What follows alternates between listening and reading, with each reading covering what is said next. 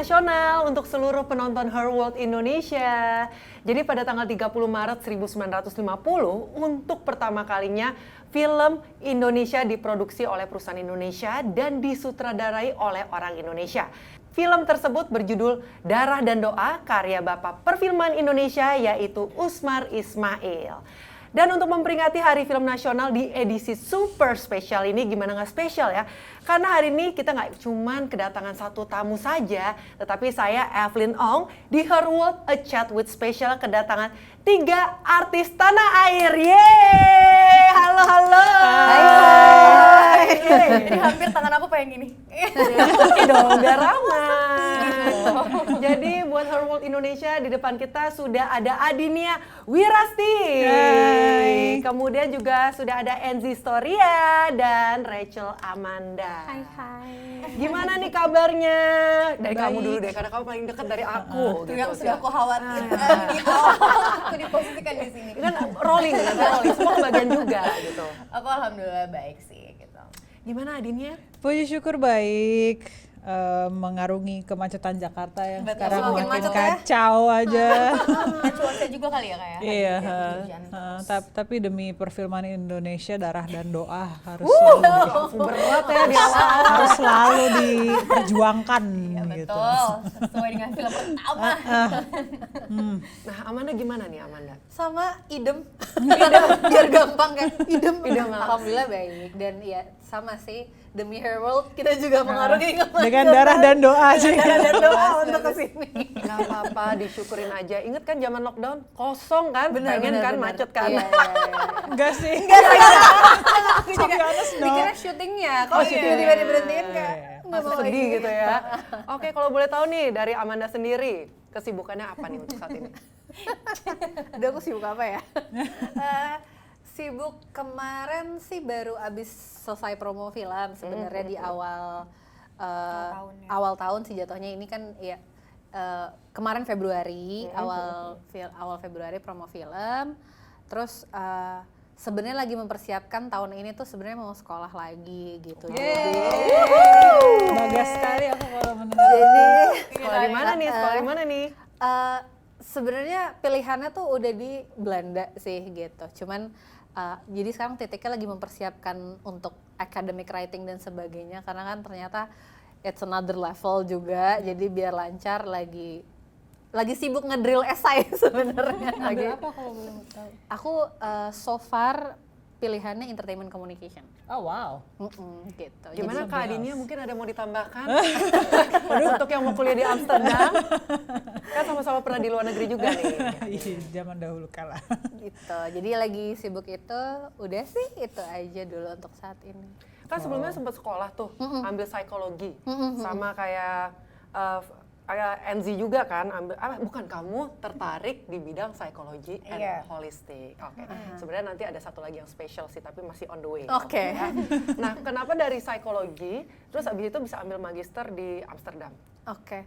Em, jadi tuh sebenarnya memang ketika dulu kuliah di psikologi eh, dari tahun-tahun terakhir interestnya tuh memang ke arah psikologi sosial atau media gitu. Jadi memang dari awal tuh entah kenapa ya, so far sampai sekarang tuh belum kepikiran untuk jadi profesi yang klinis, yang menghadapi orang, tapi lebih tertarik di isu yang lebih mass gitu, ngomongin sosial, ngomongin media terutama. Ditambah waktu itu pernah ada matkul psikologi media memang di kampus gitu, yang akhirnya skripsiku juga berkaitan dengan psikologi media. Nah, setelah lulus tuh kan syuting-syuting dulu gitu kan, Eh, emang balik lagi di film kangen gitu, terus eh, sambil nyari program apa sih sebenarnya yang berkaitan dengan psikologi media gitu. Nah kebetulan nyari-nyari si entertainment communication ini ngomongin tentang ya intinya adalah bagaimana media mempengaruhi kita berpikir, bagaimana media mempengaruhi segala macam situasi yang ada mediumnya macam-macam film, games dan sebagainya based on media psychology perspektif. Nah, gara-gara ada description itu aku kayak eh apa nih kok judulnya media psychology perspektif gitu. Jadi so far eh, memilihnya itu. Oke, tapi itu membantu kamu nggak sih dengan mempelajari dunia psikologi dengan di dunia peran?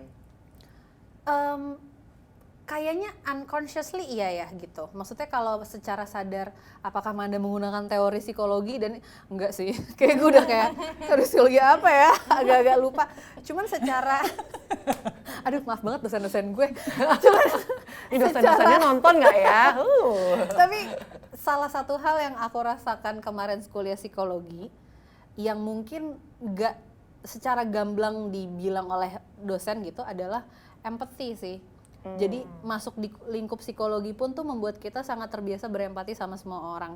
Yang kayaknya aku bawa kemudian di kerjaanku juga sebagai aktor gitu. Jadi eh, ya udah gimana caranya berempati sama karakternya gitu dari karakter-karakter atau orang-orang yang selama ini kita pikir oh penilaiannya seperti apa oh A ya hitam gitu ternyata emang kalau belajar psikologi dan belajar berempati tuh ih lucu ya maksudnya menarik banget orang-orang karakter tuh emang ranahnya nggak selalu salah nggak selalu bener gitu loh. Nah, non-binary. ya. Everything is non-binary. Mm-mm, jadi itu sih yang membuatku kayaknya ya unconsciously jadi lebih lebih mudah dalam berempati sih sama karakternya Oke, I see. Menarik ya, menarik ya. Nah, kalau Adinia sendiri nih, kan sempet syuting tuh dulu ya di Amsterdam. Kan, nanti nanya-nanya sama kaya.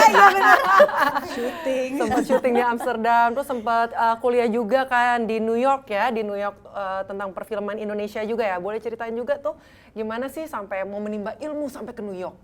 Jadi sebenarnya the the school is New York Film Academy, but it was in LA.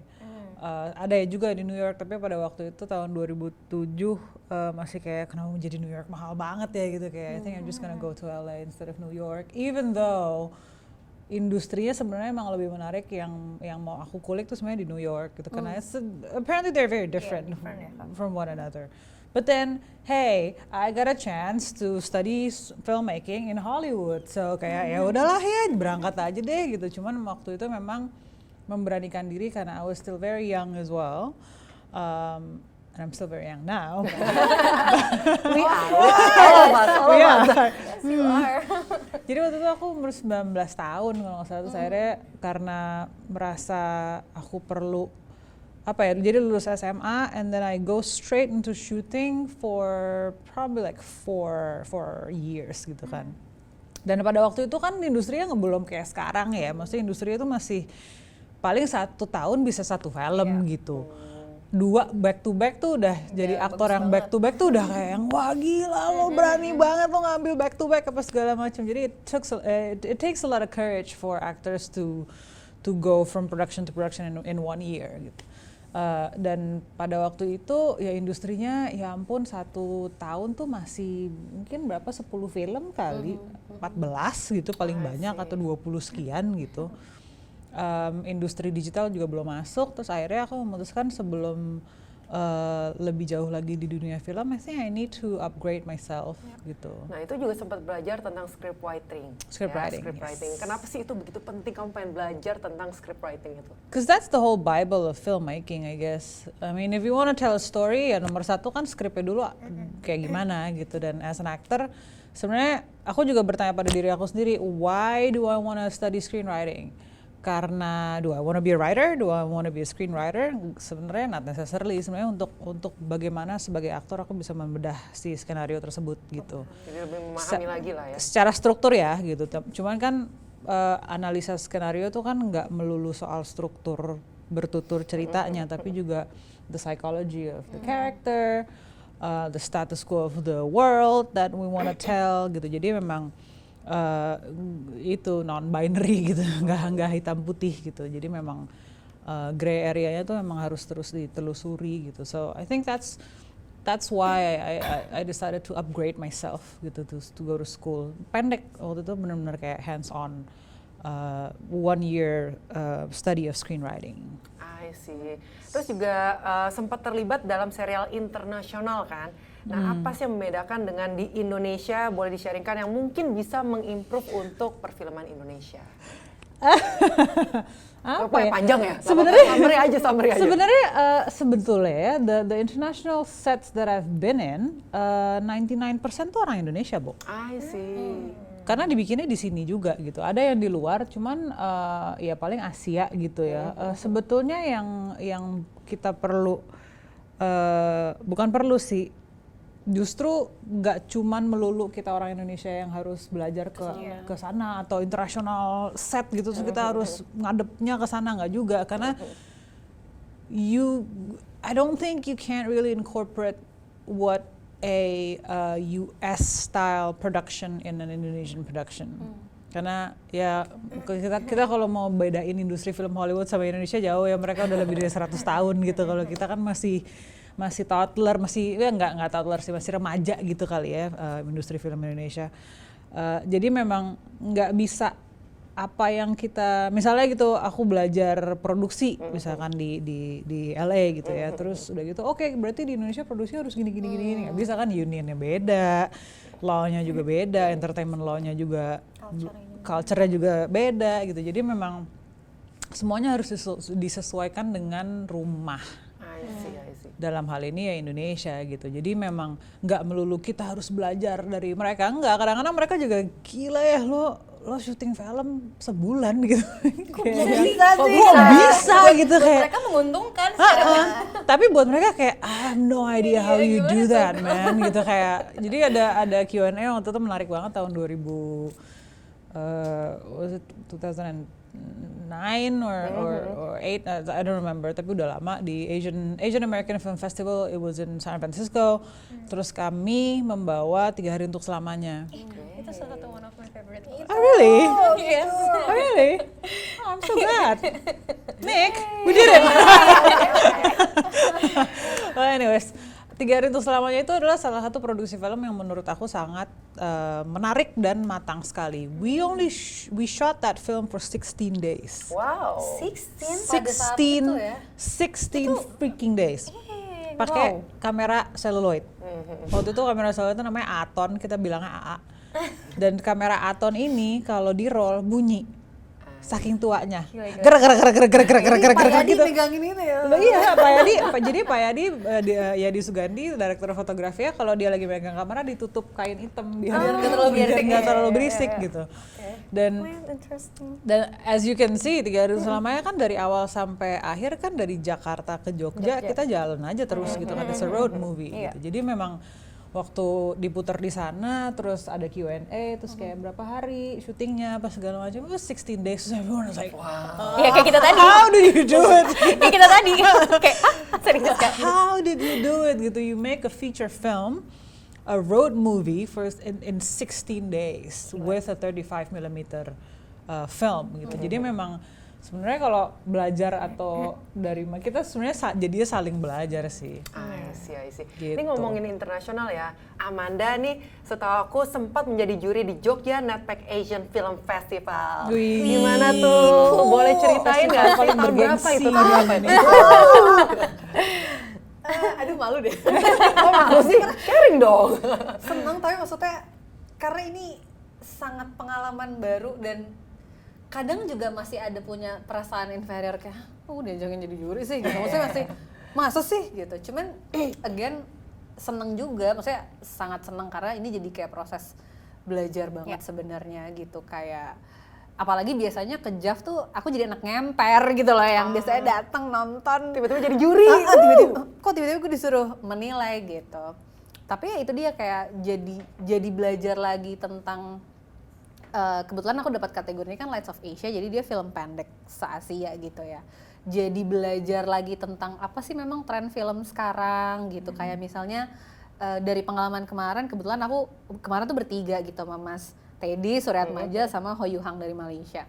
Uh, seru banget. makanya aku kayak ih seneng banget jadi ngerasa ajari aku. Betul, polar, polar opposite filmmaker gitu ya Ho Yuang sama tadi Suryatno aja. kita bertiga tuh akhirnya beneran discuss tentang de- dengan film-film yang kita tonton. Jadi bukan cuma dari sekedar apa yang kita juriin tapi juga di luar itu kan kita banyak ngincer film lain kan kayak mumpung Jav gitu. Banyak film-film menarik yang diputar. Ya dari situ dari mereka pun aku juga belajar oh oke ternyata selalu ada tren-tren baru dalam film. Kayak misalnya bagaimana sekarang mix media juga jadi lebih eh, banyak yang bikin. Dan itu aku banyak belajar juga dari Mas Teddy dan dari Ho Yu Hang juga gitu. Sama eh, pengalamannya ya itu sih kembali merayakan apa pun departemen kita ya misalnya aktor, filmmaker, costume designer dan sebagainya tuh ya udah pada akhirnya merasakan kembali Euforianya gitu. euforia di mana kita sama-sama suka film gitu loh dan di mana kita sama-sama eh, belajar sharing bertukar apa ya istilahnya ya, kayak ber- bertukar produk lah gitu. Kayak aku jadi tahu oh oke ini film terbaru dari Jepang seperti ini sekarang gitu. Dan buatku bukan cuman hanya kemudian kayak oke ini yang bagus ini yang enggak gitu. Tapi belajar juga dari produksi dari film pendeknya. Aduh acting performance-nya film pendek ini bagus banget. Kok bisa ya dia bisa menampilkan uh, performa nuans dan baik seperti itu gitu. Jadi yang menyenangkan dari menjadi juri dan mungkin di luar menjadi juri datang ke JAV sendiri tuh itu sih diskusinya, belajar banyaknya gitu. Experience-nya gitu. Dan Experience-nya. ha-ha, dan belajar sih. Dan makin ngerasa aku tuh masih harus banyak belajar sebenarnya sebelum uh, menjuri-menjuri lagi nanti ya saya mau belajar dulu gitu. Nggak apa-apa kan nggak boleh stop learning. Benar, benar, Oh. benar. Nah waktu pada saat jadi juri kan, itu kan uh, untuk se-Asia, kategori se-Asia. Kamu ngerasa nggak sih setiap negara itu punya ciri khasnya masing-masing dalam membuat film, entah itu dari alur ceritanya, entah itu dari actingnya mereka atau gimana, ada originalitas nggak sih dalam uh, setiap negaranya tersebut? Oke, em, di satu sisi pasti ada ya, maksudnya ka- karena kan kita ngomongin culture yang beda-beda gitu ya, maksudnya ya dari dari budaya, kemudian eh, lingkungan, landscape-nya mereka kan otomatis Oh, membuat beda. mereka juga punya culture yang berbeda-beda gitu. Tapi yang menariknya di sisi lain, namanya juga sama-sama human, jadi kayak ada satu benang merah yang eh ternyata di negara ini juga isunya kurang lebih mirip ya sama kita gitu. Mungkin cara mereka nanggepinnya beda gitu, tapi oh kadang-kadang itu dia ya menurutku juga kayak kekuatan film gitu ya, eh, menunjukkan bahwa kita tuh sebenarnya punya isu yang mirip dengan cara penyelesaian yang beda-beda, tapi di, di saat yang sama ketika kita nonton filmnya tuh akhirnya we're, we're human after all dan kita semua tuh sama gitu loh. Jadi itu sih yang menyenangkannya nonton film dari let's say Filipina atau dari Vietnam gitu yang secara masih sama-sama Southeast Asia, punya kultur yang mirip-mirip tapi punya bahasa yang beda gitu. Buat aku tuh menariknya itu sih gitu dari melihat perbedaan tapi kesamaan juga sekaligus gitu. See, thank you, thank you udah sharing loh. Padahal tadi malu-malu panjang loh jawabnya. Oke, thank you Amanda. Nah sekarang buat Enzi nih. Nah Enzi juga menarik loh kuliahnya. Sebenarnya tadinya tertarik em, buat ngambil teknik kimia. Tapi ended up ambil business management. komedi Kenapa gitu. tuh? Kenapa tuh? Iya komedi sih. kenapa tuh? Kenapa? Cerita, cerita dong. Nggak emang kayak You're orang such a character. Iya. I mean, you in in yourself is such Iya. a character that we need to make a movie out of. Tuh, boleh tuh. Please do kak. Emang hidup aku penting. teknik, teknik kimia, Teknik kimia. terus Tiba-tiba Business gue management. business management. Oke. Iya, iya, emang lucu ya. Kadang-kadang banyak plot twistnya kehidupan Yoi. tuh. Cuman mungkin gini, kayak itu kan uh, pilihan untuk menjadi uh, teknik kimia, ambil jurusan tek- teknik kimia itu 2009-2010 ketika emang aku masih SMA, terus sesimpel kayak gue tertarik banget sama kedokteran, gue tertarik banget sama yang berhubungan sama kimia. Aduh kalau dia jadi dokter aku mau jadi pasiennya setiap hari sakit ya. Jangan menurut Terus, aku. terus, Suka iseng. Oh, ada serem ya. Jangan, jangan. Nggak, maksudnya ya itu waktu itu apa ya, eh, sebuah mimpi Enzi di masa remaja aja. Cuman pada saat itu kondisinya memang tidak memungkinkan untuk aku langsung kuliah gitu. Kayak aku sempat kena autoimun, terus juga ada perubahan perekonomian keluarga juga yang memutuskan dari aku untuk mengambil sikap untuk tidak melanjutkan kuliah dulu.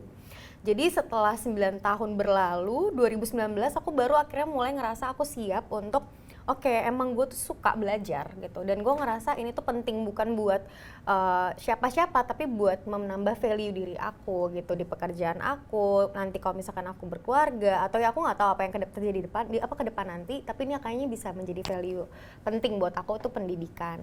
Nah udah nggak make sense kalau Enzi mengambil teknik kimia sekarang kayak kayak itu kan mau bikin apa iya, gitu ya. gue mau kerja di perminyakan, tiba-tiba ada di laut gitu kan, kayak Hai ah, hai kasih, lagi bertugas gitu. kayaknya, kayaknya aku lebih realistis aja, lebih realistis dengan usia aku juga. Aku mulai kuliah tuh du- 2000, berarti umur 27 gitu kan, maksudnya udah udah mau 27, mau 28 gitu. Jadi apa yang realistis dan uh, sesuai sama bidang yang aku sukain gitu which is adalah business management. Jadi kayak gimana caranya ini tuh karena aku percaya maksudnya uh, entertainment industry adalah juga bisnis juga buat kita gitu. Personal Yes, branding itu adalah bentuk bisnis juga yang harus kita pelajarin. Yang kayak gitu-gitu tuh relate kayaknya. Jadi ya akhirnya aku memutuskan untuk mengambil business management gitu. Tapi kamu ngerasa em, kayak memberikan benefit lebih nggak sih yang pada biasanya pada umumnya kan abis SMA langsung lanjut kuliah. Tapi kan kamu ada se- sesuatu hal yang tidak bisa membuat kamu melanjutkan uh, kuliah. Se- setelah lulus SMA kamu harus kerja dulu segala macam dan pada akhirnya kamu harus kuliah baru bisa kuliah pada usia 27 tahun. Apa kamu merasa uh, untuk diri sendiri lebih dewasa kayak ngerasa gue tuh udah capek-capek kerja nih, gue kuliah pakai duit gue jadi gue lebih fokus, lebih serius. Hmm, menurut aku apa ya journey orang tuh journey tiap orang itu kan berbeda-beda kalau aku ya journey-nya seperti ini untuk aku bisa sadar dan mau melakukan ini lagi aja sebuah uh, apa ya sebuah keberanian Iya keberanian, terus bentuk apresiasi buat diriku juga gila. Gue udah, maksudnya aku udah kerja lama, udah 9 tahun. Maksudnya aku udah achieve juga uh, hal-hal yang aku pengen gitu untuk keluargaku, untuk diriku sendiri. Ketika aku mau mengulang lagi dari nol sekolah itu, aku mengapresiasi diriku juga kayak wah hebat ya lo mau mulai lagi gitu. Cuman kalau benefitnya apa, mungkin eh, aku orang yang harus fokus dan tidak bisa multitasking.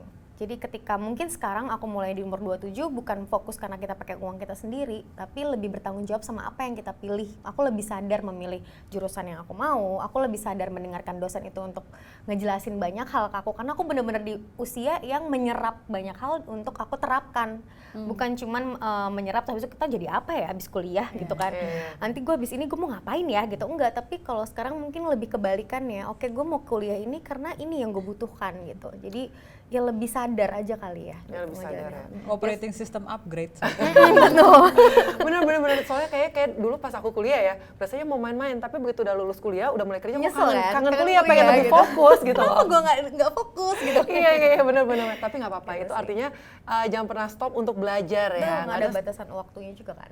benar nah kalau boleh tahu nih Enzi apa yang membuat kamu pertama kali jatuh cinta pada dunia seni peran Hmm, teknik kimia mungkin di dalam kesinambungan. di dalam eh, ini di dalam Iya, di dalam seni peran, mempelajari. eh, ada ada kimia kimia yang ada nanti bisa kok ketemu benang merahnya lagi plot Betul. twist lagi gitu kan dihasilkan oleh tubuh kita yang Ih, saling gila. ngalah Ada ada satu koneksi Ci, gitu.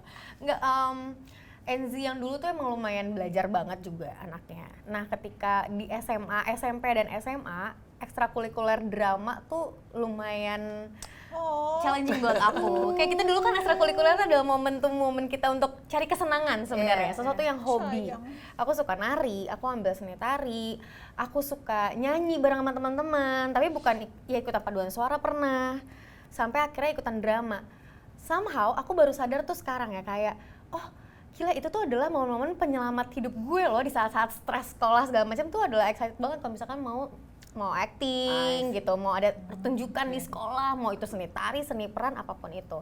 Nah, ketika aku lulus kuliah, eh lulus kuliah, lulus SMA dan akhirnya mendapat kesempatan dan menurut aku itu sebuah bentuk rezeki ya, itu dari seni peran. Di situ aku ngerasa kayak oh apakah ini memang jalannya ya sesuatu yang tadinya cuma sekedar buat uh, bikin kita happy sih kayak refreshing tiba-tiba bisa menjadi uh, apa menghasilkan uang buat aku juga gitu menjadi ladang pekerjaan juga buat aku tapi aku tidak ngerasa capek.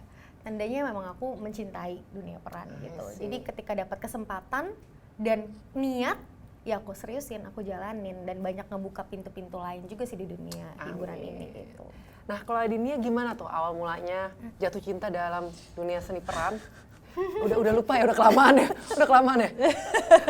gimana ya Ya aku ingat banget lagi masih kecil nonton Karin kasih tuh kayak oh my god Em, Kayaknya nggak mungkin ya waktu kecil kita nggak nonton film dia ya. Langsung gitu. gila sih ah, saya pengen main basket udah kelamaan nih, udah kelamaan Sporty jadi. abis Ya kan? keren nih gitu Eh, Don't don't play play loh, dia bisa capoeira loh. Oh gila gila gila, gila. Udah, udah langsung di knowin sama dokter. Em, jatuh cinta itu sebetulnya kecebur sih, lebih lebih kayak nggak nggak nggak ada yang direncanakan gitu. Kayak waktu I was only 14 at that time.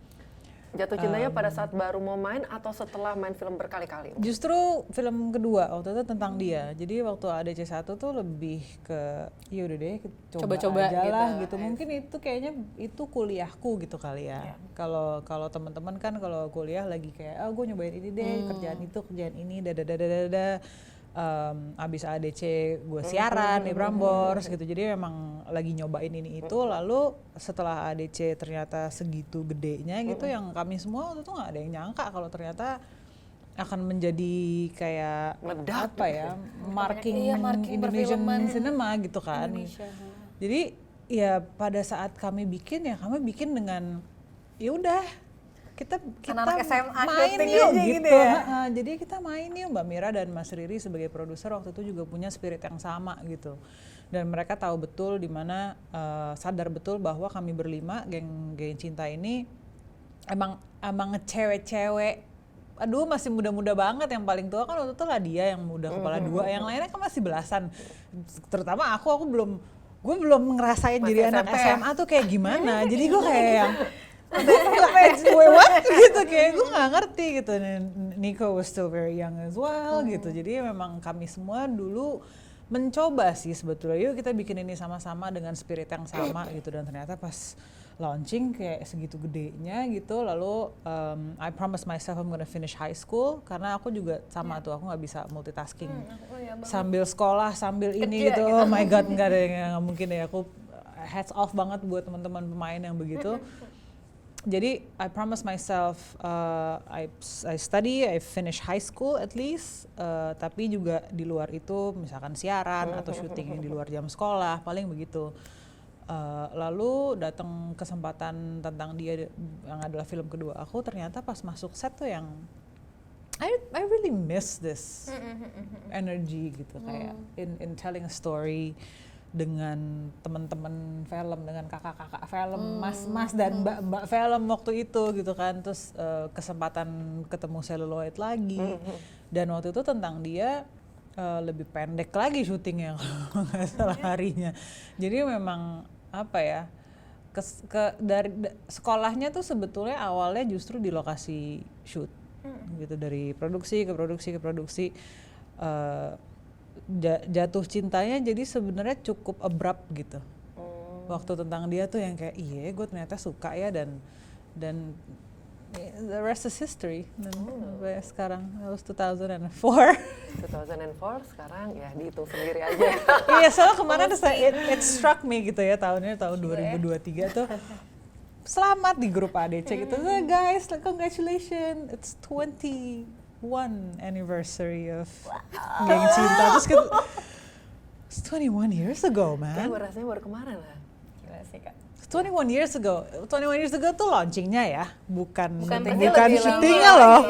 kan ah jadi kayak it's just it's it's it's a bit Iya, iya, iya. Agak-agak surreal ya. oh my god gitu kayak it's a bit overwhelming sih Memang sih kayaknya tuh pada saat itu nggak mungkin ya semua orang nggak nonton film ADC gitu kan. Itu Tapi benar-benar fenomenal aku salut banget. banget loh berarti sama Kak Dinia dan yang lain. Maksudnya apalagi dengan waktu syuting yang sependek itu dan celluloid ya. Berarti kan butuh disiplin yang sangat tinggi juga dong. Iya, there's no wrong for actors gitu. Maksudnya kalau nggak, jadi kami ya disiapkan memang oleh sutradara dan produsernya untuk syuting dan pada saat syuting main gitu.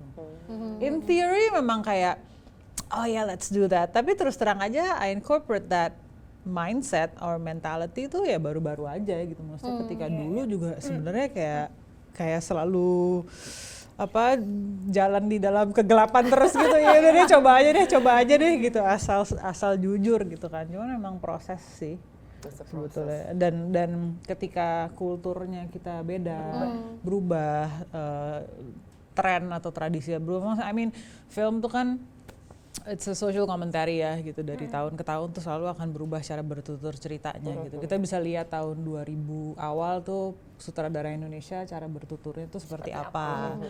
Lalu kita lihat lagi ketika digital masuk berubah lagi gitu. Sekarang ketika OTT sudah masuk udah mulai Beda berubah lagi. lagi. gitu. Jadi memang all of us are making history and and, and legacy. So Benar sih itu. Apalagi kalau ditarik mundur banget, zaman dulu cuma hitam putih. Mm-mm, Ya kan? beda lagi Hitam ya putih kan. nggak ada suara, terus habis itu ada suara, terus akhirnya sampai lah sekarang. Nah kalau Amanda sendiri gimana nih awal mula jatuh cinta pada dunia seni peran? Wah, em, aku juga awalnya kan sebenarnya sama kecemplung ya. Jadi sebenarnya kalau ngomongin awal banget, aku tuh dari iklan. Hmm. Dari dua setengah tahun. ya ampun. Waduh. Waduh, antara cutie sama child labor.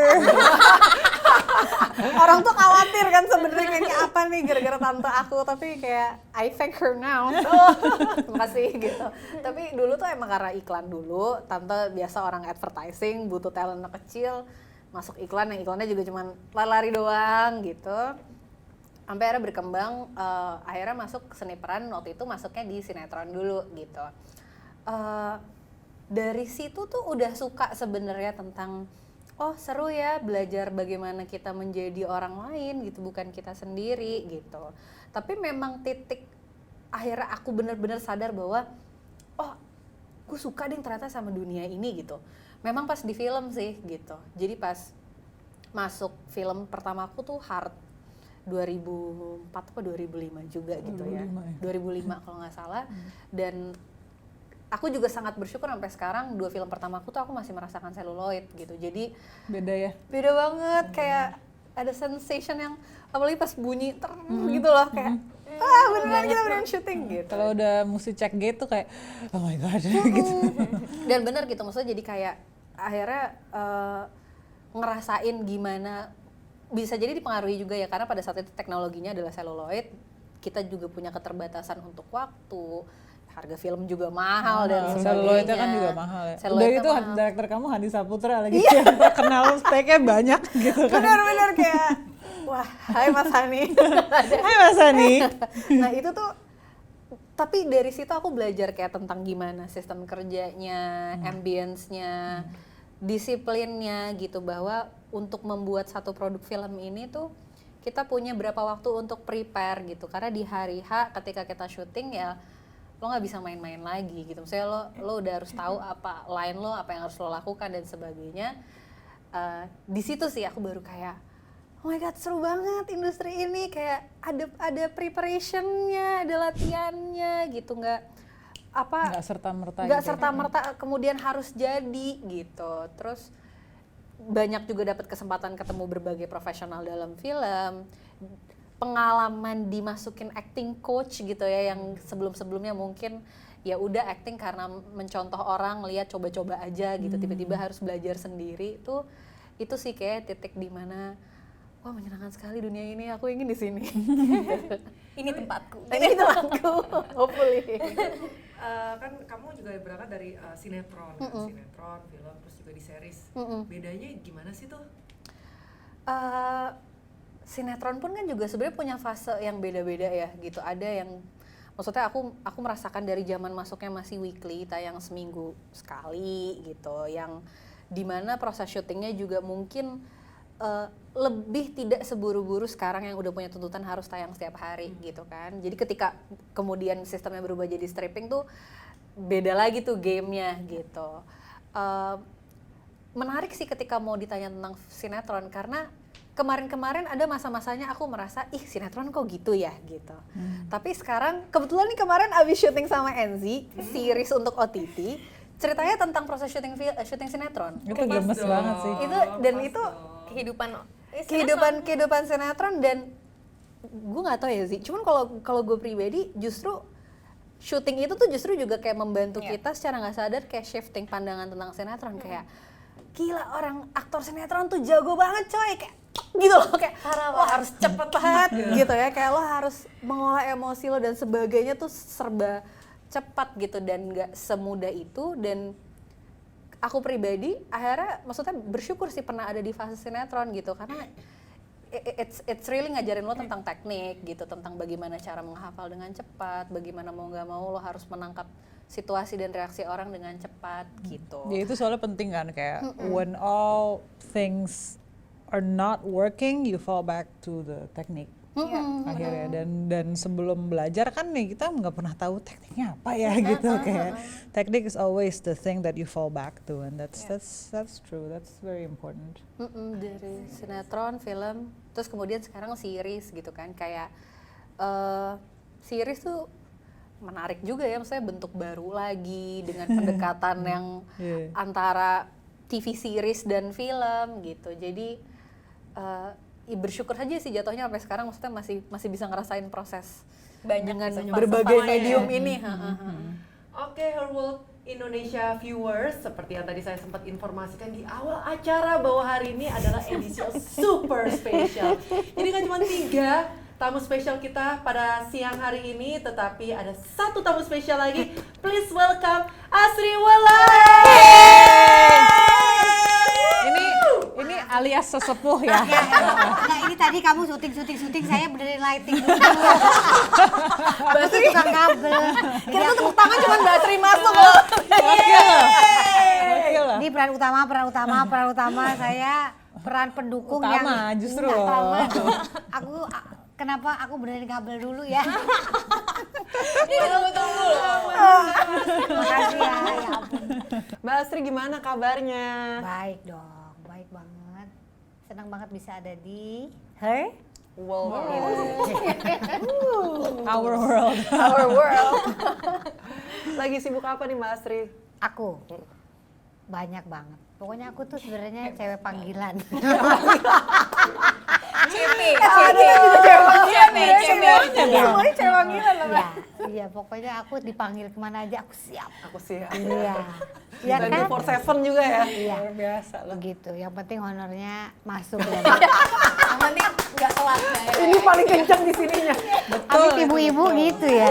Ibu-ibu tuh gitu. Ya kan aku punya anak tiga kan gitu. Satu teenager, yang satu ada eh, kebutuhan khusus di mata, satu lagi masih balita. Jadi ya kalau bisa syuting eh, juga harus bisa ngurus anak. Itu sih yang paling utama kan. Dunia perempuan kan itu ya. Sama jaga suami. Jadi maling anak itu nggak semenyeramkan dengan maling bapak-bapak. Nah, ini filmnya dia kan serem banget, eh seriesnya dia kan serem banget. Serem horor ya ternyata. Itu lebih horor daripada film horor Ah, ya. ternyata bukan drama itu horor. Itu horor. I see, I see. Ini dari tadi kita udah bukan eh, mereka belum tahu Mbak Sri akan datang, tapi aku udah tahu dan aku dari tadi udah nungguin karena tadi kan eh, Amanda ter- eh, sempat eh, apa kuliah psikologi.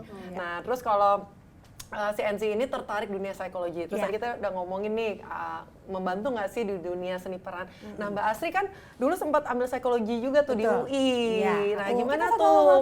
Iya betul, iya. Tapi aku zaman dulu banget. Jauh. Iya, kalau dia lulus aku berubah jalan. iya benar psikologi karena dunia yang paling menarik ya psikologi ya. Mm-mm. Bener sangat membantu kita di acting karena memang kita bisa rasain menjadi apa aja ya dari pelajaran yang kita hmm, apa pelajari ya. Karena kan sebenarnya kalau Freud bilang, "Celah, Kemarin Waduh, waduh, waduh. Ya, kalau Freud bilang kan ya kan kalau sebenarnya kita lahir tuh kertas putih kan, gimana kita eh, menggambar atau mewarnainya, sama kayak kita main film kalau kita begitu di calling kita kayak selembar kertas putih. Nah kita mau coret apa, kita belajarnya di reading ya kan, belajarnya di karakter itu sehingga dia jadi berwarna sesuai dengan callingan ya.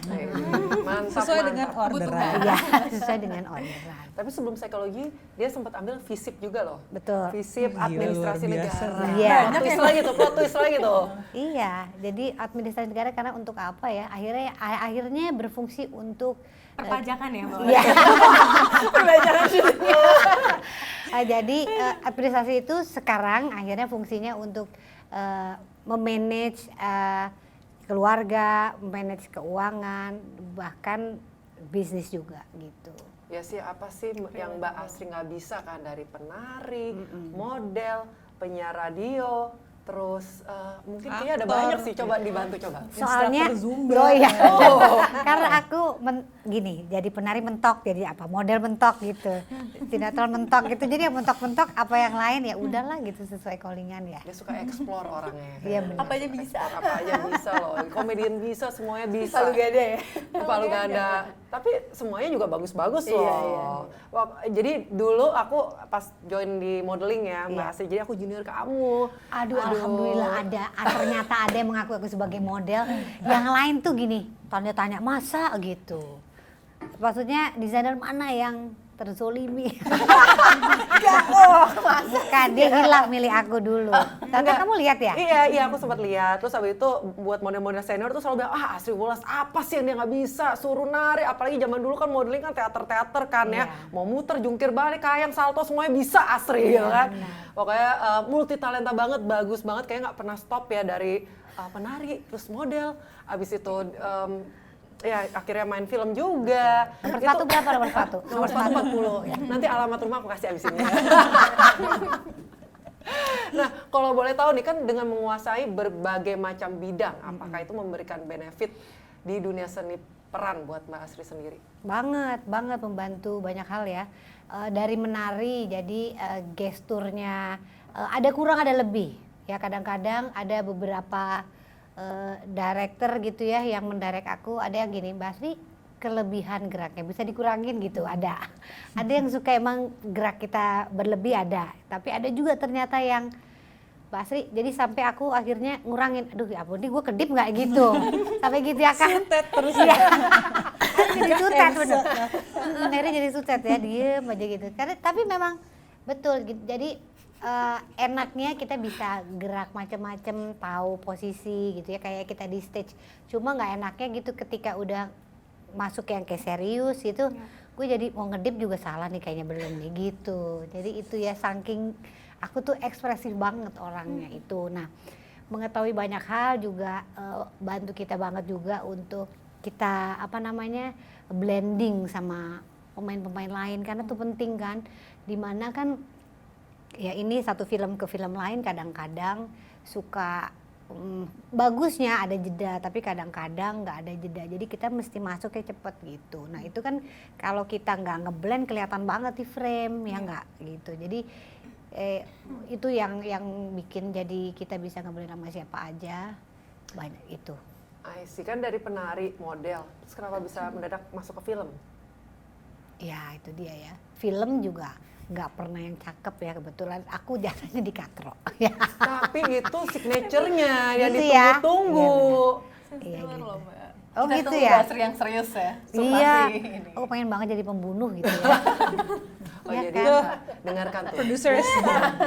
belum ada yang Ini percaya lucu-lucuan gitu ya. iya Oke oke nah kalau um, uh, sempat nggak sih kalau tadi kan aku sempat ngobrol nih sama Amanda ya Amanda tadi bilang jatuh cinta di dunia uh, seni peran. Sempat nggak sih pernah merasa jenuh? Dan kayaknya uh, ya silakan dijawab dulu. Dia langsung memberikan reaksi. iya enggak. Eh, yang sesepuh itu dulu. apanya ya? Aku ya eh, kebahagiaannya komedi lagi komedi lagi itu tadi ya maksudnya nggak jenuh sih seneng gitu. Cuma eh, pengen juga ada hal lain gitu Yang bisa yang dieksplor yang, gitu ya. mm, yang bisa dieksplor gitu. Percaya dong gitu ya kan? Karena kan kadang-kadang tuh di dunia film tuh menjadi stereotype. Oh kalau yang pendiam atau lulus-lulus aja pilihnya yang ini. Oh ini kalau yang meletup-letup pilihnya yang ini. Eh gitu ja- menjadi kayak jadi stereotype ya peran-peran yang Typecast. iya gitu. Ya kita mainkan. Nah kadang-kadang kita juga perlu dipercaya untuk jadi something different yang kita belum pernah ada sebelumnya. Nah itu. Itu menurutku pengen banget ya para produser atau director gitu percaya sama kita yang udah mudah-mudahan bisa jadi 360 derajat bukan kita. Sama kalau menurut aku sih challenging. Percaya sama penontonnya juga sih mbak. betul. Gak cuma sama kita aja yang maksudnya kita sebagai filmmaker juga mesti mulai percaya sama penonton Indonesia bahwa penonton Indonesia sudah bisa menerima Pintar, lebih pintar lagi gitu. eh, eh, pilihan-pilihan ini. Terutama kan sekarang OTT udah di mana-mana ya. Pilihan OTT aja sekarang udah banyak. Sampai bingung mau subscribe yang mana kan. Jadi memang eh, panggungnya tuh sebenarnya banyak. Kalau dia zaman dulu gitu kan panggungnya kalau nggak di TV yang adalah sinetron atau FTV atau layar lebar atau teater juga aduh terbatas sekali gitu kan gitu. Jadi kalau sekarang tuh jauh lebih banyak sih gitu jadi intinya pengen peran yang lebih men-challenge iya. Pembunuh ya tadi ya. Iya, maksudnya mungkin kalau ada yang nonton boleh loh next time dikasih peran eh, seorang pembunuh ya. Abis ini semua perannya tawarannya pembunuh semua gitu. Tiba-tiba jenuh lagi sama orang pembunuh. Ah, mau komedia ini gitu. aku mau balik lagi. Berarti iya. nggak tahu yang lain tuh. Nah kalau kalau Ensi gimana? Kalau Ensi gimana? Ya pasti ada sih, maksudnya kayak bukan cuma di dunia seni peran ya, kayak mau kerjain apa pun juga pasti ada titik jenuh kalau misalkan kita nggak ada istirahatnya gitu loh. Kayak nggak ada distraction lain menurut aku. Jadi kalau misalkan emang aku lagi jenuh enaknya di dunia hiburan itu maksudnya di industri ini kayak aku bisa explore banyak hal gitu. Jadi kalau misalkan emang aku ngerasa jenuh dan capek ya aku butuh me time maksudnya butuh take a break sebentar lah gitu untuk akhirnya ngerilisin emosi-emosi. Kadang-kadang itu tadi bener yang uh, Mbak Sri bilang ya kayak nggak ada jedanya sampai kadang-kadang kita tuh bingung masih ke bawah karakter yang ini terus sudah masuk lagi karakter yang ini gitu-gitu nah menurut aku butuh banget kok waktu untuk istirahat untuk buat ngerilis. uh, buat ngerilisin semuanya. Jadi pas lagi nyerap karakter baru tuh kita emang bener-bener udah fresh gitu. Oke. Nah, kalau ngomongin persiapan nih, apa sih persiapan yang biasa dilakukan sebelum sebelum melakukan proses casting? Kalau dari Enzi gimana?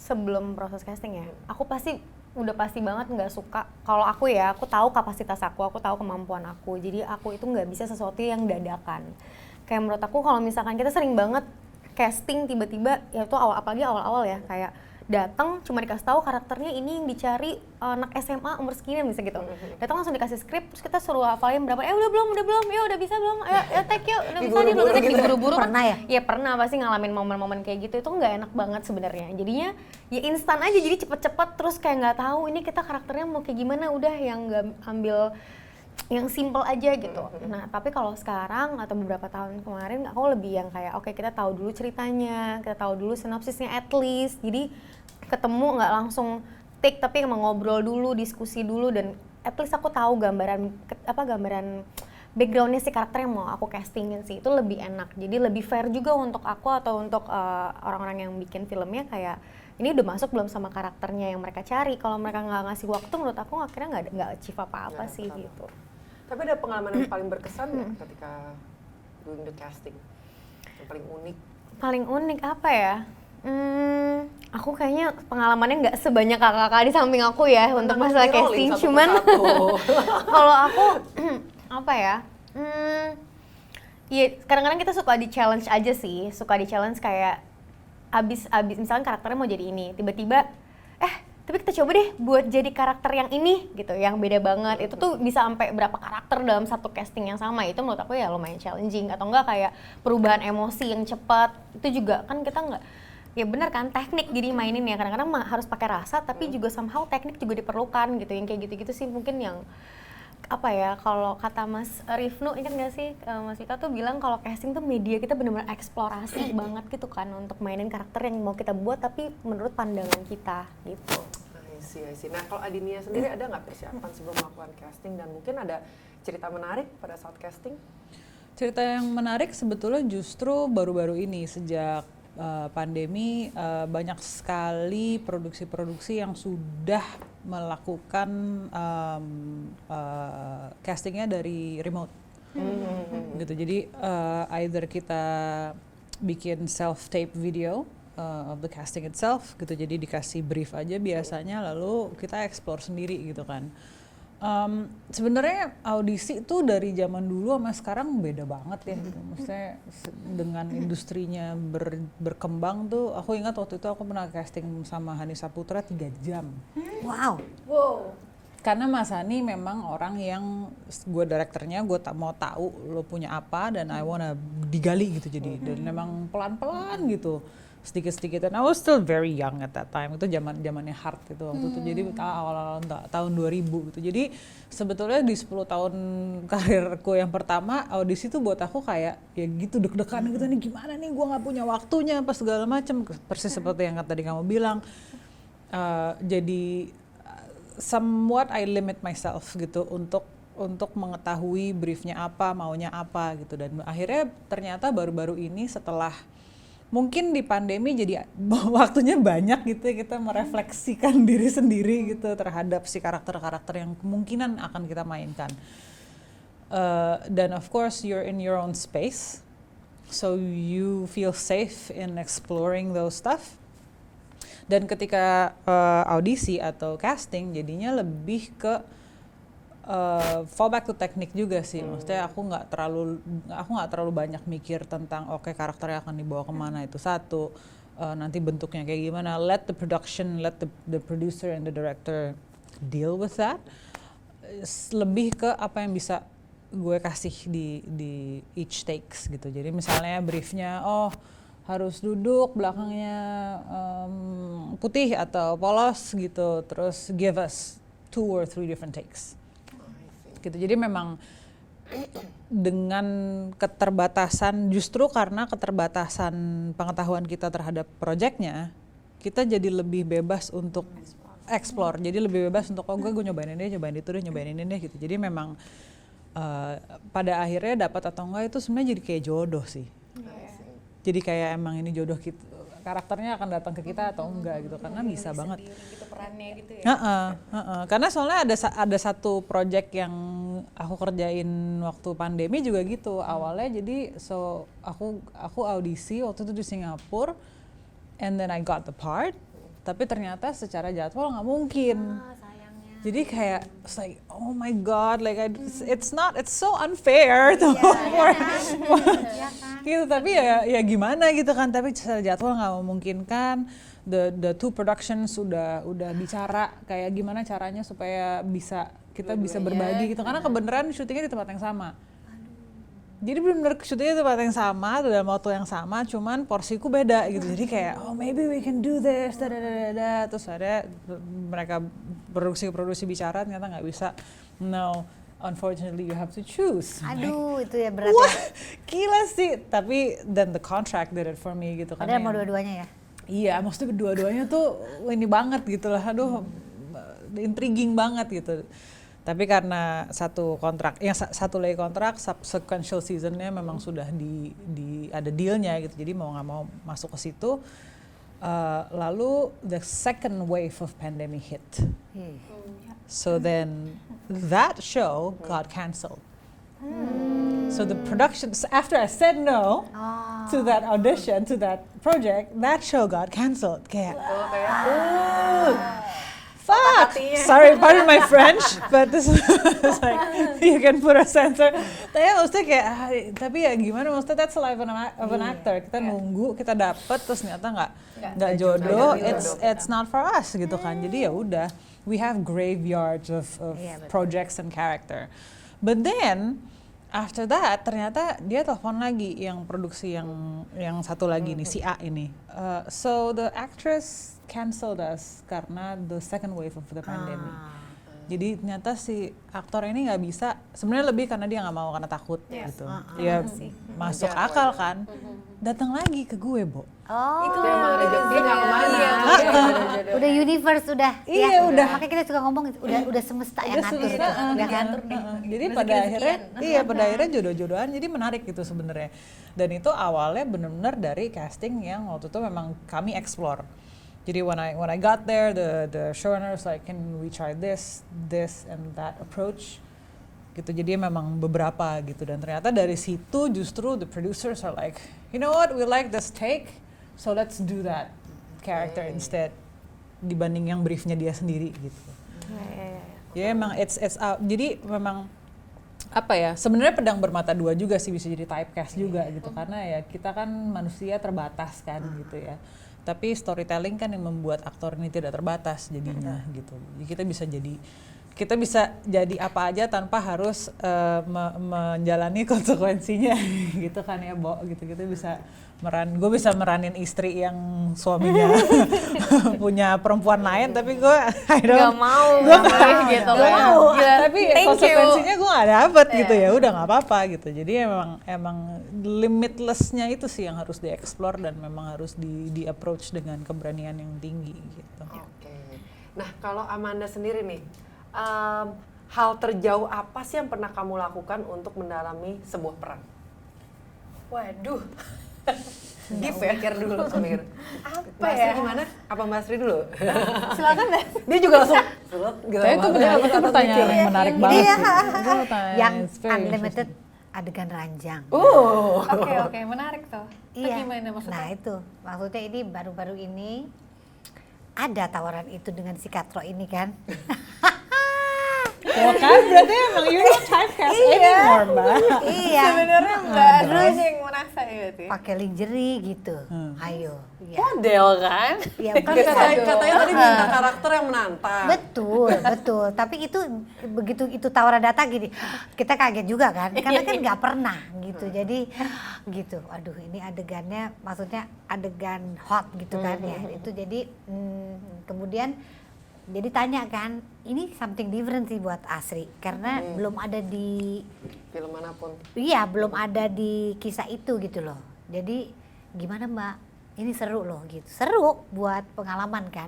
Tapi kan ada juga mesti difikirkan gitu Iya ya. jelas, itu jelas. Itu kan jadi kayak di luar beyond gitu loh. Nah, Iya, itu iya. jadi terus aku ada beberapa part yang ternyata bisa juga dianulir terus apa ya kan Iya, itu part-partnya gitu ya. Nah, di adjust gitu. Jadi hmm, aku pikir selama bukan eh, maksudnya gini mungkin kalau di luar harus kita melakukan sendiri ya. Kalau di sini kan ada body Body double. body double ada apa gitu ya. Mungkin ke- tapi kan kalau di layar orang kan nggak tahu ya. Hmm. ini Asri Ulas apa body double-nya? Semua taunya itu Asri Ulas gitu. Nah itu kan yang mesti kita kita nah pertimbangkan. Nah apakah aku akan ambil? Nah lihat aja deh di dunia ini ya. Tapi itu termasuk di yang tadi tanya di luar batasku itu. Karena aku belum pernah memerankan atau adegan seperti itu. I see. seperti kissing gitu ya. Mungkin kalian udah pernah merasakannya gitu ya. Kissing atau apa aku kan nggak pernah. Karakternya ibu-ibu lagi nah gitu. Jadi itu tuh masih beyond untuk Asri gitu. Masih masih belum ada tuh di karakterku yang Selama pernah selama ini Tapi itu tapi tuntutan itu ya kalau menurut aku ini PR kita sebagai filmmaker juga sih di Nah, industri ya kan? kita yang Benar udah? Heeh, yang udah berkembang gitu. Maksudnya uh, the way we approach intimacy in in a scene, ya we can't just have a meeting with an actor. Gue ada karakter nih buat lo, gue ada project buat lo. uh, ada adegan ranjangnya ya gitu. kayak Iya. you, you cannot you cannot approach it like that anymore gitu. Karena karena sekarang udah perkembangannya udah udah udah jauh lebih pesat gitu. Dan kita sudah lebih terbuka dan dan apa ya udah udah terekspos gitu kan ke dunia gitu. Dan we as a filmmaker kita punya tanggung jawab untuk membuat safe space dan brave space untuk bikin intimate scenes. Karena intimate scenes tuh nggak nggak melulu adegan Ranjang. antara suami istri atau pacar eh, laki dan perempuan. Intimate scenes itu juga ketika kita harus beradegan bersama anak kecil Betul. atau breastfeeding Yes. atau masturbasi atau bicara dengan dekat Iya. secara uh, in, in close proximity with anyone with anybody in the scene gitu jadi memang uh, ini juga PR semua produksi Indonesia untuk approaching intimate scene with uh, Gak courage jorok, ya jorok. courage bravery and and uh, respect betul nah terus juga penontonnya itu bisa nerima atau enggak. Jadi gim- jadi ada part-part yang kita mainkan tiba-tiba muncul di mana muncul di mana muncul di mana yang dipotong-potong sehingga menjadi seperti istilahnya blue film ya gitu loh. Padahal itu kan sebenarnya sebuah karya yang harusnya dihargai. Karena Iya, bukan bukan ih kalau dia gini akhirnya menjadi image itu. Ih kalau dia pasti buka-bukaan kalau dia itu berani, Berani, kalau di- eh. kan bukan itunya kita sebagai pemain film tuh bukan itunya apalagi kita perempuan kan Nah, Yes. tapi di industri ini begitu ngomong adegan ranjang atau intimasi jadinya kayak jorok ya gitu ya. Iya, ha-ha. jadi maksudnya kita juga sebagai pemain eh, sebagai aktris aktor mengharapkan supaya penontonnya juga jangan melihat itunya gitu loh. Tapi apa yang kita mainkan dan cerita dari film itu. Yang kadang-kadang ya ya ya masih penonton kita tuh ya di Indonesia belum bisa menerima secara ini, ini bentuk art, iya itu dia tadi. Uh, bicara soal intimate in, intimate scenes, because I'm I really want to advocate brave sets and brave space for us actors gitu terutama ya. Pekerjaan kita kan memang pada dasarnya udah aneh ya. Maksudnya kita kan main sandiwara-sandiwaraan dah jadi orang lain gitu kan. Uh, dan ada beberapa approach sutradara yang memang uh, approach-nya naturalism dan gimana caranya supaya itu datang secara natural juga gitu. Uh, intimate scenes di dalam sebuah film itu tidak serta merta terjadi, tidak tidak dengan fluid terjadi. There's no spontaneous stuff. ini aku bicara di set yang sehat ya, of course ya.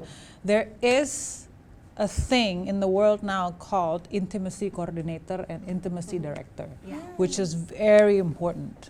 Ketika ada satu orang ini yang datang ke dalam set kita gitu produksi kita sebagai orang ketiga yang tidak punya tidak punya kepentingan apa pun uh, kecuali untuk membuat uh, uh, safe space untuk seniman-senimannya terutama para aktornya.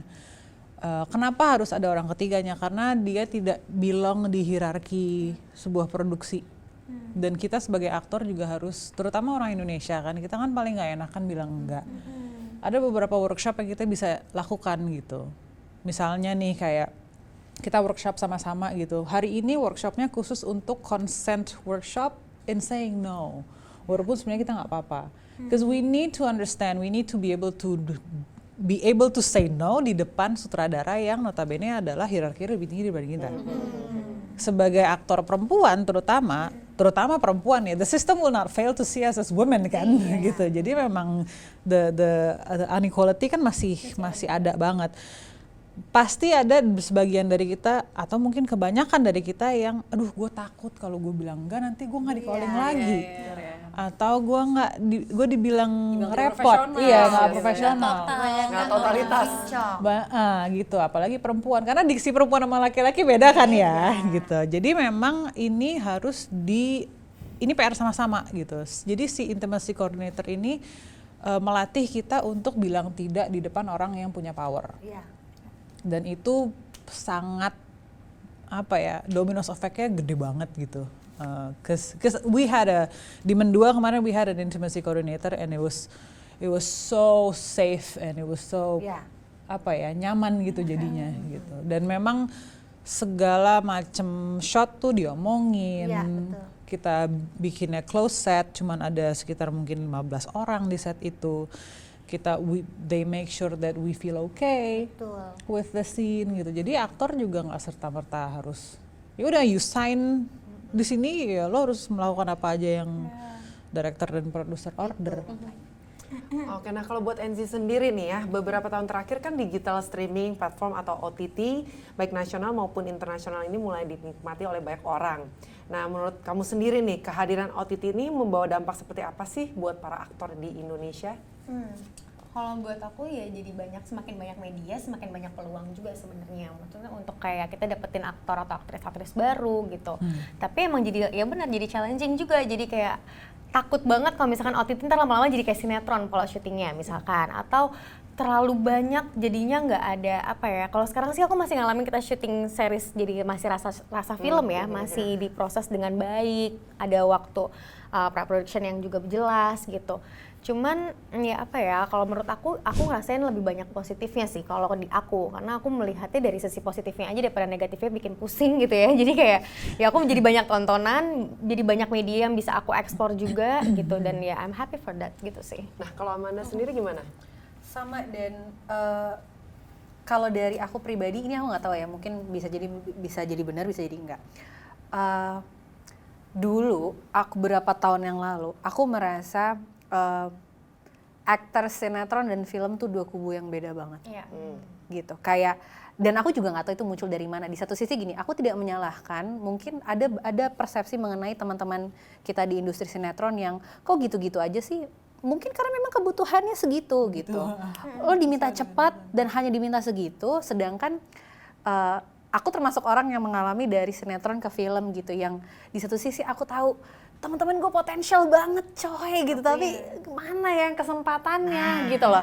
Mana eh, ruang buat dia menunjukkan itu gitu. Nah menurutku pribadi gitu ya OTT ini salah satu bentuk media yang menurutku cukup menjembatani itu sih gitu. jadi aku aku senang sekali melihat banyak teman-temanku juga eh, yang lama maupun yang baru gitu yang baru masuk di industrinya tuh juga punya kesempatan yang bisa mengeksplor peran, bisa mengeksplor karakter, cerita dan sebagainya gitu dijembatani oleh OTT ini gitu. Tapi di satu sisi memang benar kata Enzi juga tadi gitu kayak mungkin nggak ini juga bisa dijaga jadi satu produk yang tetap rapi gitu, tetap dengan waktu eh, pre-production yang baik gitu, dengan cerita yang tetap dijaga gitu karena eh, arahnya kan sekarang semua ke sana ya gitu. Jadi emang jadi tricky nih untuk uh, menjaga ini tetap bentuk me- bentuk produknya atau seriesnya seperti apa gitu. Jangan sampai juga yang tadi NC bilang gitu. Jadi ya udahlah syutingnya sama aja, nggak ada waktu untuk persiapan dan sebagainya gitu.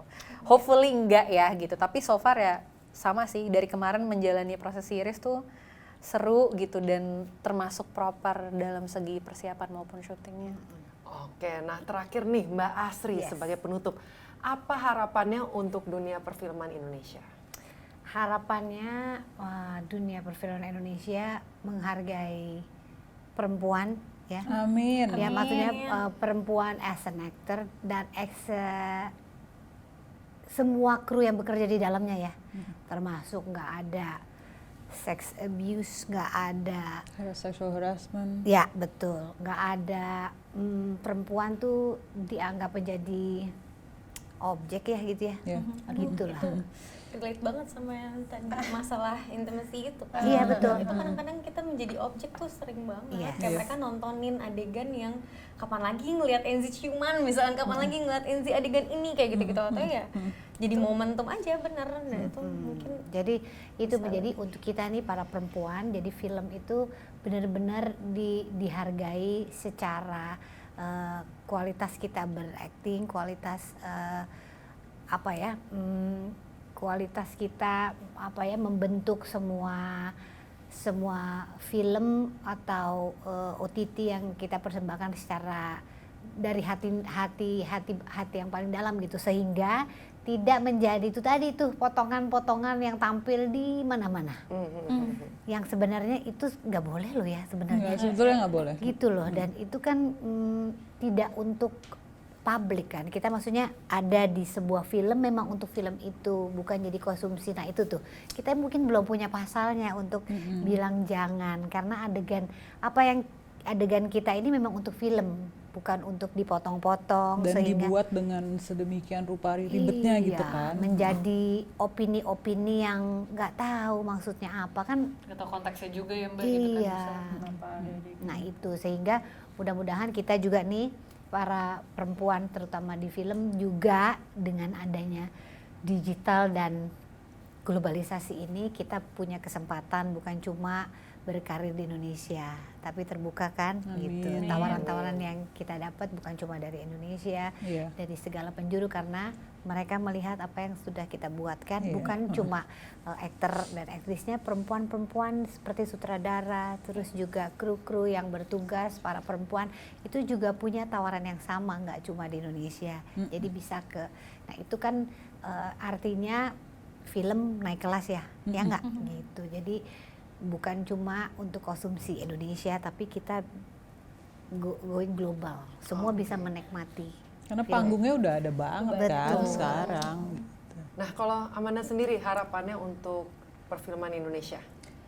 sama sih kurang lebih kayak Mbak Asri dan di satu sisi aku juga sama mengharapkan lebih banyak lagi filmmaker perempuan di sini karena salah satu hal yang aku seneng ya dan aku banggakan kayak misalnya uh, ya adanya misalnya kayak Mbak Gina Esnur gitu sebagai sutradara dan Mbak Prita juga kan bikin. Kamila Andini. ada Kamila Andini dan banyak.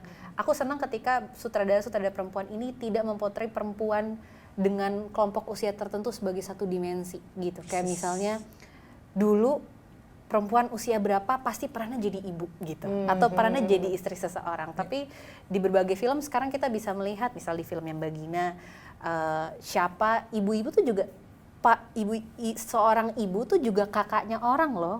Kakaknya seseorang temannya siapa sepupunya siapa. Maksudnya dipotrenya tuh tidak hanya sebagai Ibu. ibu gitu. Ya karena kan dalam kenyataannya kita perempuan multidimensi ya gitu perannya banyak gitu. Nah aku sih berharap juga uh, lebih banyak kesadaran tentang itu sih gitu bahwa kita tuh bisa loh dipotret dan diceritakan dari berbagai sudut pandang kalau dariku gitu. Oke, nah Adinia, sa- terakhir silakan apa harapannya untuk dunia perfilman Indonesia? Eh, kita semua jadi lebih berani dan juga bertanggung jawab atas keberanian itu sendiri sih karena when you wanna do something um, with courage it, it has um, accountability and responsibility as well gitu Eh, sebagai sebagai filmmaker perempuan juga terutama ya malah justru dari kita perempuan yang harus me- menguatkan sesama perempuan juga gitu malah bukan saling menjatuhkan karena kita sesama perempuan gitu. Karena sampai kapan pun di industri mana pun the glass ceiling effect will be there gitu. Kita perempuan-perempuan uh, justru yang ada di position of power tuh akan akan terus diterpa uh, pertanyaan-pertanyaan terus nanti anak lu gimana? Terus nanti suami lu gimana? Terus nanti kalau di rumah gimana? Atau oh is it that time of the month it's that's those kind of question are not okay gitu. Dan semoga kita semua juga lebih bisa sensible untuk untuk melihat itu gitu. Dan dan bisa eh, apa ya dialog-dialog kayak gini tuh jadi bisa dinormalkan di dalam dialog sehari-hari gitu loh. Gitu kayak nggak tabu lagi nggak tabu lagi. Kita bisa saling menguatkan sesama perempuan terutama eh, sesama filmmaker perempuan gitu. Dan eh, ultimately creating a brave and safe space on set gitu. Ya, untuk kami bertutur bertutur cerita gitu. Whether that an intimate scene atau fight scene atau scene biasa deh gitu ya. Benar, kayak ganti baju aja deh kita ganti baju kostum aja deh Iya, kita kasih ha-ha. tempat yang layak gitu ibaratnya. Iya, ha, karena memang beda gitu gimana juga. Eh, dan ketika perempuan yang bicara, eh, diksinya sama laki-laki berbeda. Perempuan yang asertif itu mendadak bici, bukan asertif. Iya Tapi kan? laki-laki yang asertif gitu kan. Gitu. Dan itu kalau tapi kayak, I mean that is apa ya itu problem dunia kan ya itu nggak nggak cuman negara kita yang memang secara patriarki itu jauh lebih kencang gitu patriarkinya. Jadi memang em, ya kita awarenessnya harus di- ditingkatkan sama-sama gitu. Karena PR-nya buat buat semua sih. Nggak hanya jadi nggak hanya cerita yang di di eh, frame tidak hanya dari kacamata perempuan tapi juga produksi yang eksekusi environment. produksinya juga harus harus aman sehat harus sehat gitu. Oke, nah NC terakhir silakan. ini kayak semuanya udah dijelaskan. Jadi Sudah, aja. Bu. nggak boleh sama ya sih. Makanya nih kan biar pressure ya gitu. Nggak, tapi emang sudah terwakilkan banget sih semuanya. Cuman mungkin dari aku kayak eh, sebagai penikmat film deh di industri film kita lebih mengapresiasi juga film-film Indonesia gitu loh. Jadi kita udah susah payah nih maksudnya kita semua di sini juga sebagai filmmaker udah susah payah membuat film yang yang mudah-mudahan insya Allah baik dan memberikan dapat positif ataupun menjadi contoh gitu yang capture sesuatu tapi at least dinikmati aja gitu nggak apa-apa dikritik boleh Uh, kalau kritik itu scoringnya, membaik uh, gitu mencekam kan loh scoringnya. Terus cuman yang tapi tadi nontonnya di potongan-potongan. tempat yang bener ya Nah, tuh kayak gitu-gitu. Tapi nontonnya itu loh bentuk-bentuk menghargainya dengan nonton di tempat yang benar. Jangan dari bikin bikin potongan-potongan kayak gitu. Terus ya udahlah nikmati dan hargai dan apresiasi aja karya-karya teman-teman filmmaker kita gitu. Oke, thank you Enzi, Adinia, Thank you Amanda dan so Mbak Sri. much. Thank you, thank you sudah meluangkan waktunya untuk hadir uh, chat uh, Her World a Chat with Special. Thank you, thank you semuanya. Dan pa- pastinya aku mau ucapin all the best for the upcoming projectnya. Sukses selalu untuk semuanya dan semoga harapannya juga cepat terkabul. Kita tunggu ya Mbak Asri buat perannya jadi pembunuh ya Mbak Asri. Oke, kita siap nonton Mbak Asri. Oke, buat Her World Indonesia viewers, thank you for watching this. Akhir kata saya Evelyn Ong, pamit sampai jumpa. Bye.